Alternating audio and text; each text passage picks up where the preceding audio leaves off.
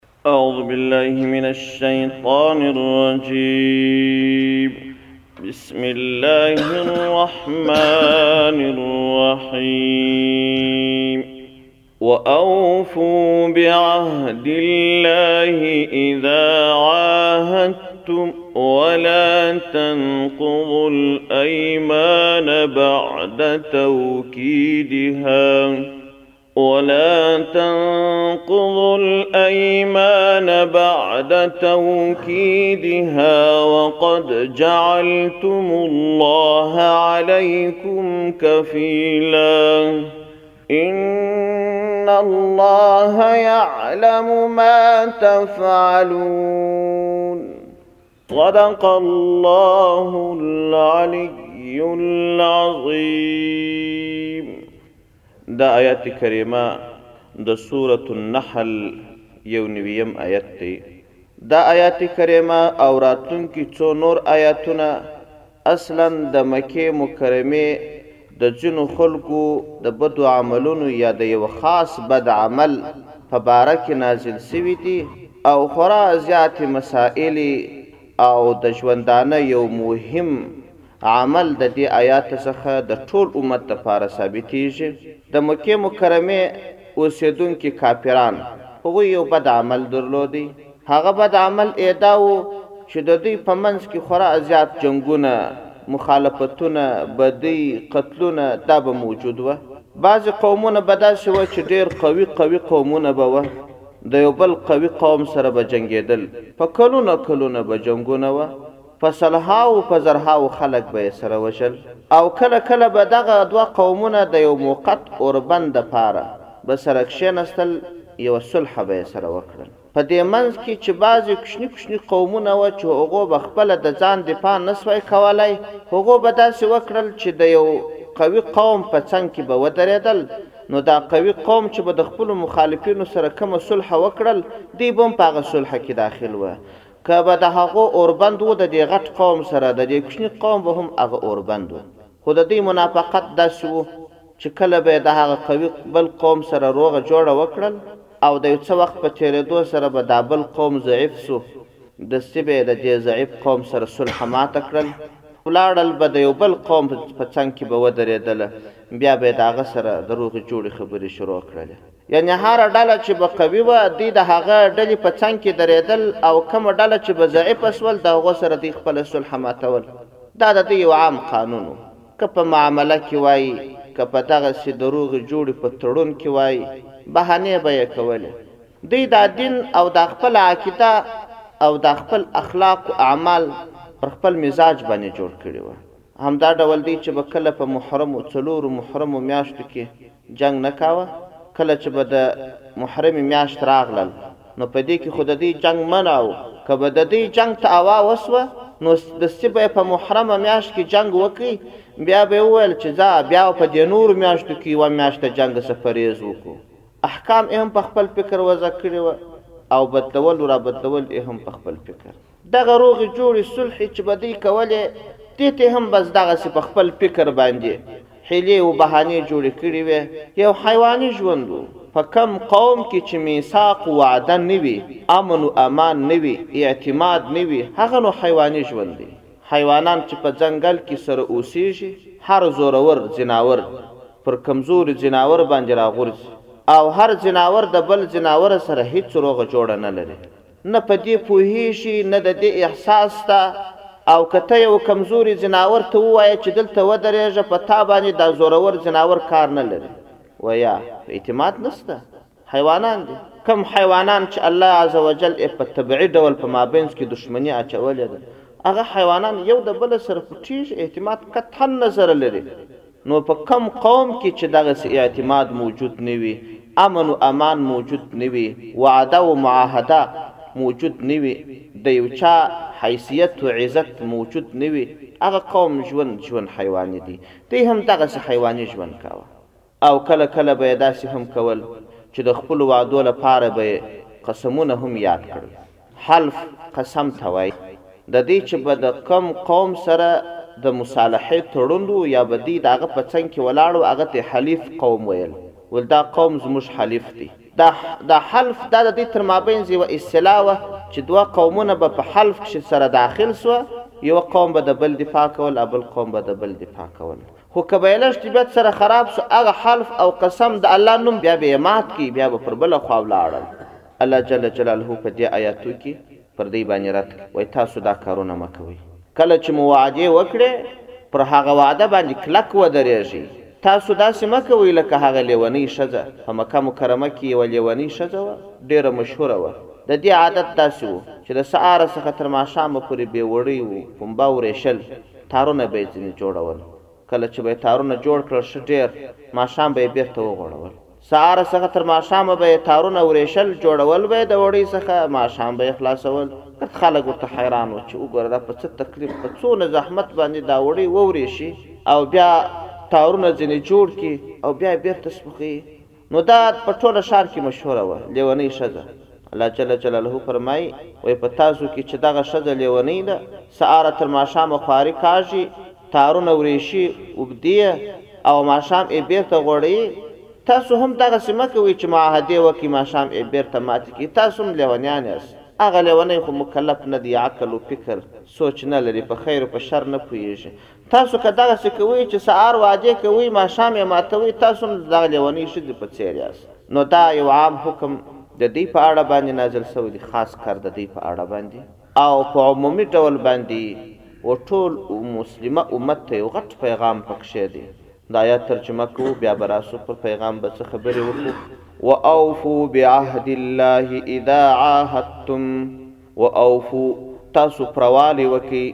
ای خلکو، بعهد الله، په وعده د الله سره،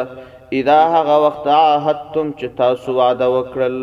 ولا تنقضوا الایمان، تاسو قسمونه مه ماتوئ بعد توکیدها وروسته تر تائید او تر ټینګښت د دې قسمو په ټینګ او په کلک قسمونه یاد کړئ بیا ئې مه ماتوئ. وقد جعلتم الله عليكم کفیلا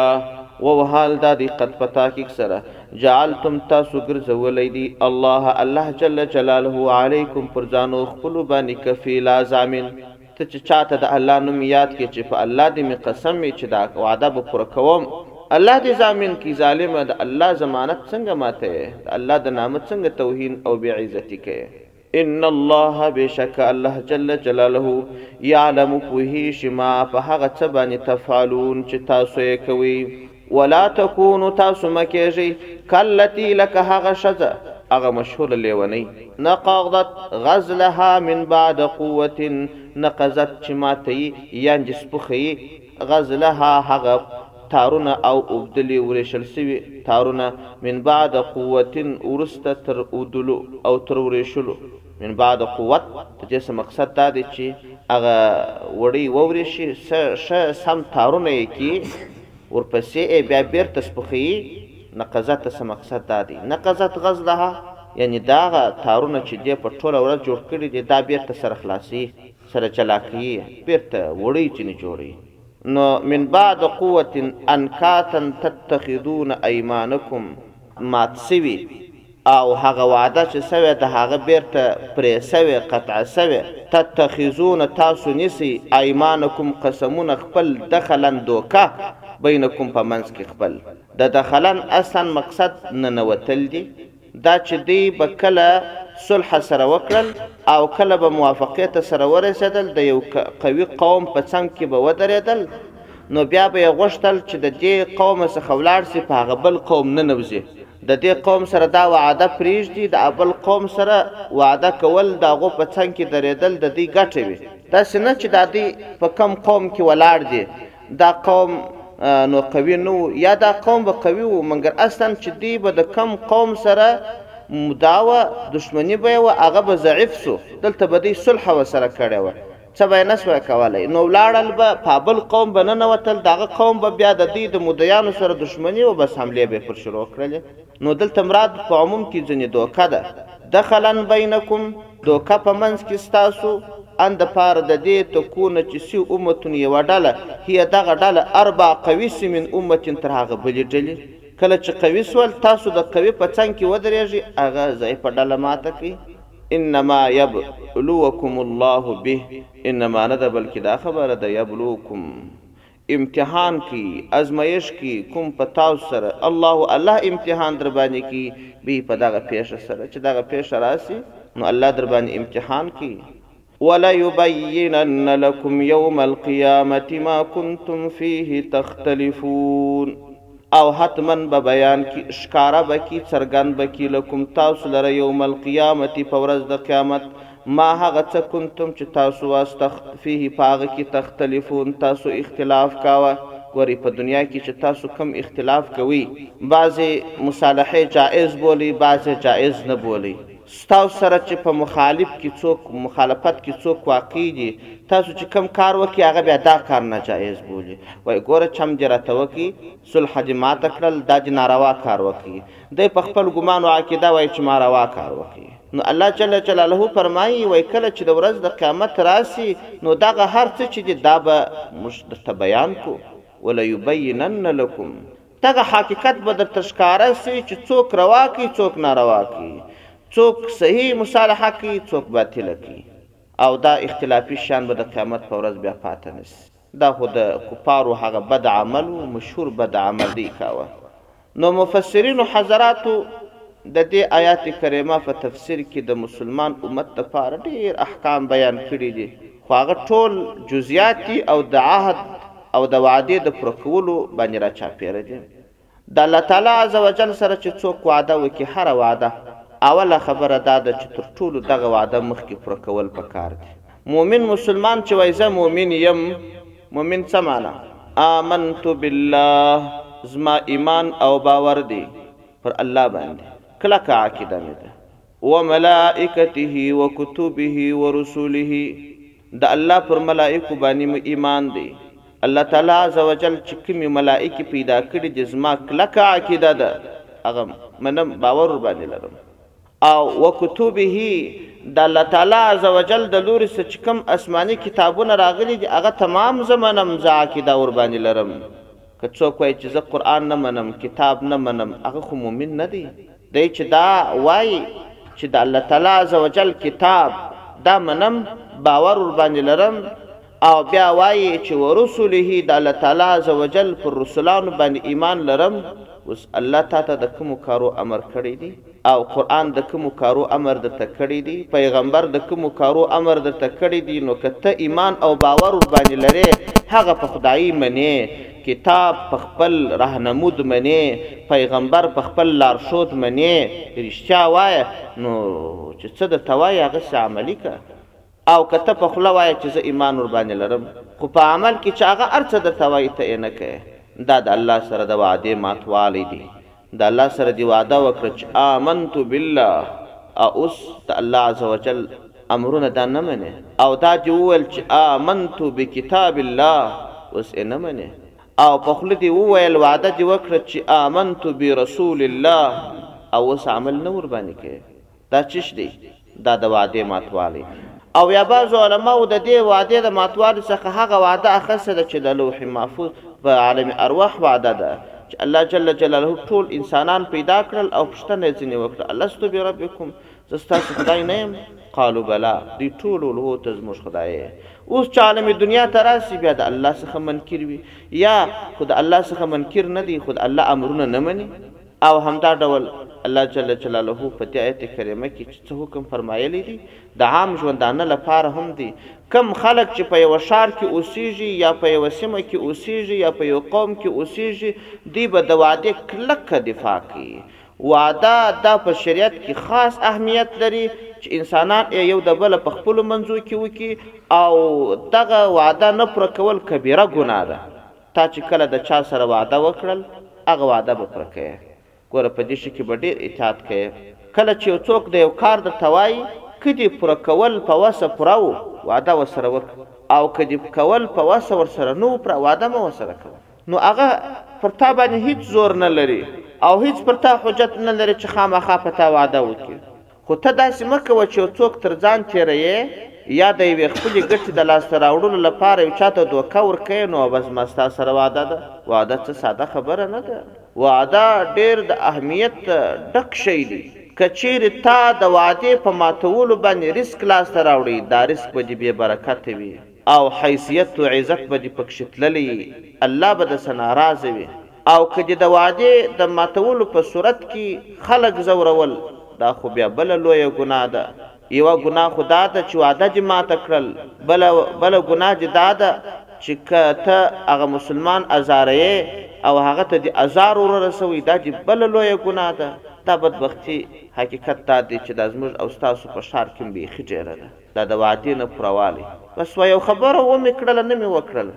یا داسې نه ده وعده بیخي مهم شی ده چې هر چا ته وعده ورکوې دا ستا د ژوندانه اعتماد ټول پر دا وعده باندې ولاړ دی که چیرې ستا وعده وعده نه وي نو ته نیم انسان یې ستا سره ګزاره کول ستا سره معامله کول ستا سره کار کول دا ټول بې نتیجې دي خو هیڅ په باور نه دي. یو څوک چې وعده ماته کړي یو وار دوه واره درې واره نو بیا د خلکو ورباندې اعتماد نه وي وایي څه دا بې باوره سړی دی ته اول دا خپل عزت ته حساب وکړه دا خپل عزت وګټه د مسلمان ازارول خپل عزت له منځه وړل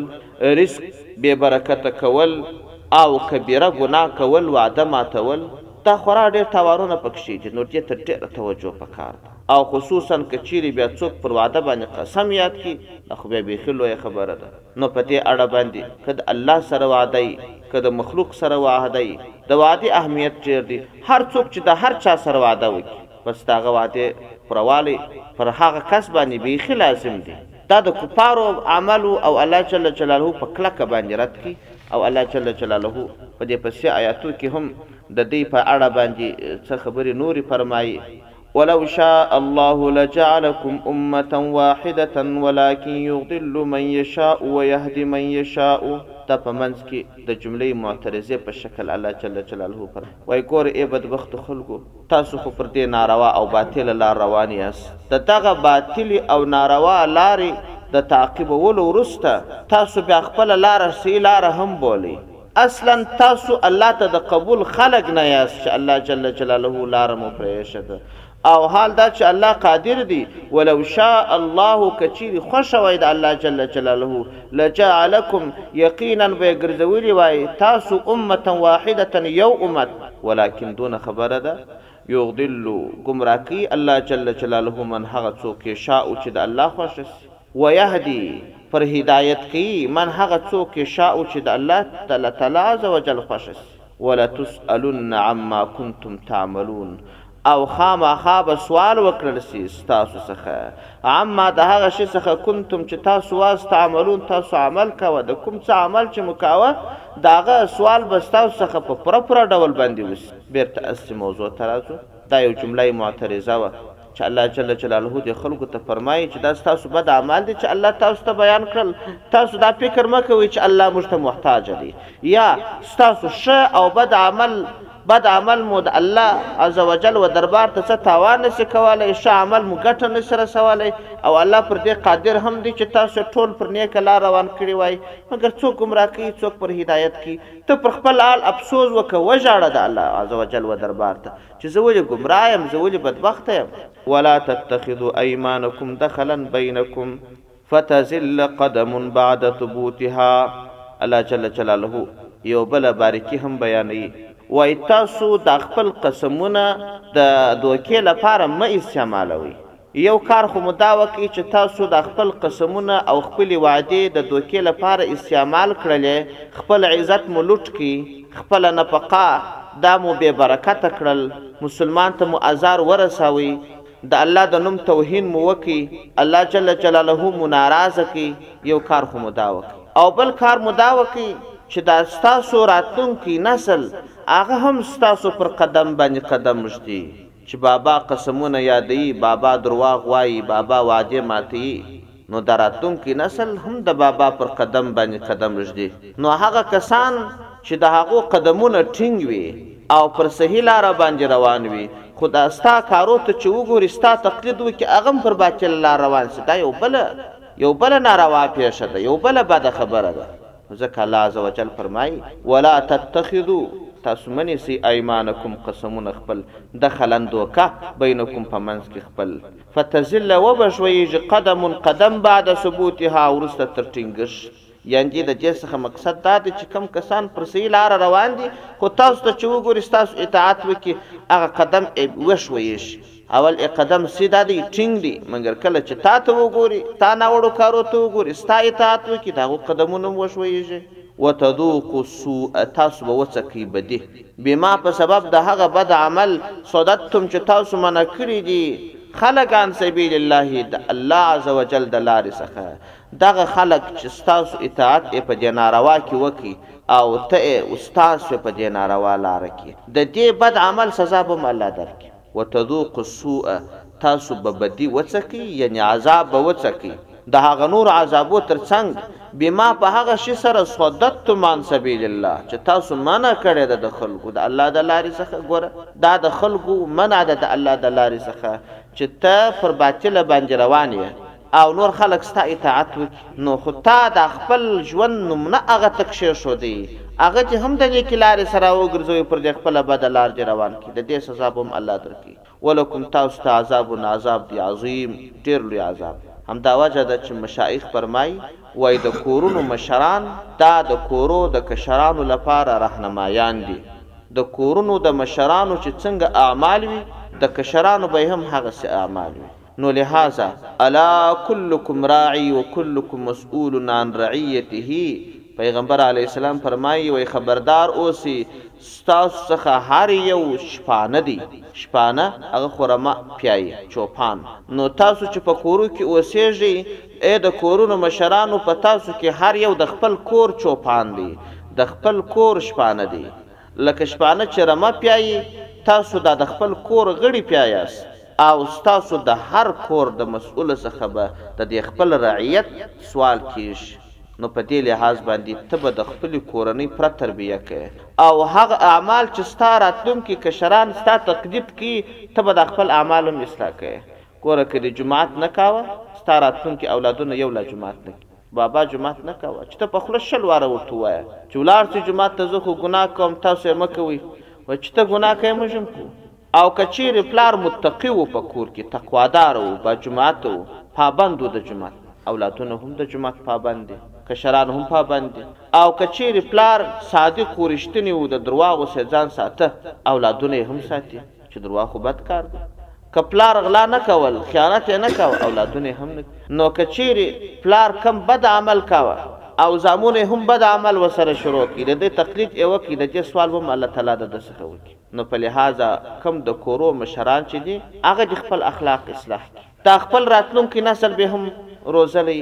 او داسې یوه نمونه به وي د دې خپلو اولادو لپاره عملي مثال به وي دا هم یو تربیت دی چې ته خپل اخلاق او اعمال اصلاح کړې بس دا ستا اخلاق او اعمال اصلاح کېدل ستا د کور د کشرانو لپاره تربیت دی پیغمبر علیه السلام به ټوله شپه لمونځ کاوه پیغمبر علیه السلام به څومره نهایته تقوا کوله. او صحابه دوی به څنګه تقوا کوله اوس موږ د صحابه وو قصې کوو د پیغمبر علیه السلام قصې کوو د تربیت په نیت باندې چې تاسو د هغه ژوند ته وګورئ د مثال لپاره یې وایو ته خپل ځان مثال جوړ کړه چې سبا اولادونه په تا سره مثال ووایي چې بابا خو څومره تقوا داره وو تاسو ولې بې تقوا یاست بابا خو درواغ نه ویل بابا خو غلا نه کول بابا خو لمونځ نه قضا کاوه داسې یو مثال ځان جوړ کړه او څه بد اعمال چې دي، د درواغو ځان وساته، د غلا ځان وساته، د نشو څخه ځان وساته، ګوره که ته نسوار کړې د کور امیر یې ستا اولادونه یې هم کوي نو ته بیا اولاد ته مه وایه چې ته نسوار مه کوه ولې ورته وایه ته ولې کوې که ته سګرېټ څکه یې بیا به اولادو ته نه وایه چې سګرېټ مه څکوه ځکه هغه هم ستا تقلید کوي ته د ځان لپاره خوښه یې د اولاد لپاره یې نه خوښه یې که دې په کور کې تا تلوېزیون ایښی و اولادو ته به نه وایه چې تاسو یې مه ایږده که تا په کور کي تلوېزون کښېښودی، تا نسوار کول، تا سګرېټ څکول، تا درواغ ويل، تا خيانت کاوه، نو ته خو غټ مفسد يې، غټ خائن يې او سخت ګناهګاره يې، ستا زامن به هم دغسي فسقه او فجره يي. مه ځان فاسق و فاجر ګناهګار جوړوه، مه خپل نسل په فاسقانو فاجرانو بدلوه، يا يو صالح نسل وروزه. با اخلاقه، با دیانته، د فسق و د فساده لرې، د الله بندګان د شیطان بندګان نه. دا یو مهمه خبره ده، هر کس به کلک متوجه کیږی دې خبرې ته، دا خبره زه تکرارا تکرارا په دې وجه باندې کوم چې دا مهمه خبره ده، ته عملي رهنمود یې د خپلو کشرانو لپاره. نو ځکه الله عزوجل دا خبره یادونه کړې ده، وایې، ولا تتخذوا ایمانکم دخلا بینکم فتزل قدم بعد ثبوتها، نور ثابت قدمه خلک به تاسو وویني،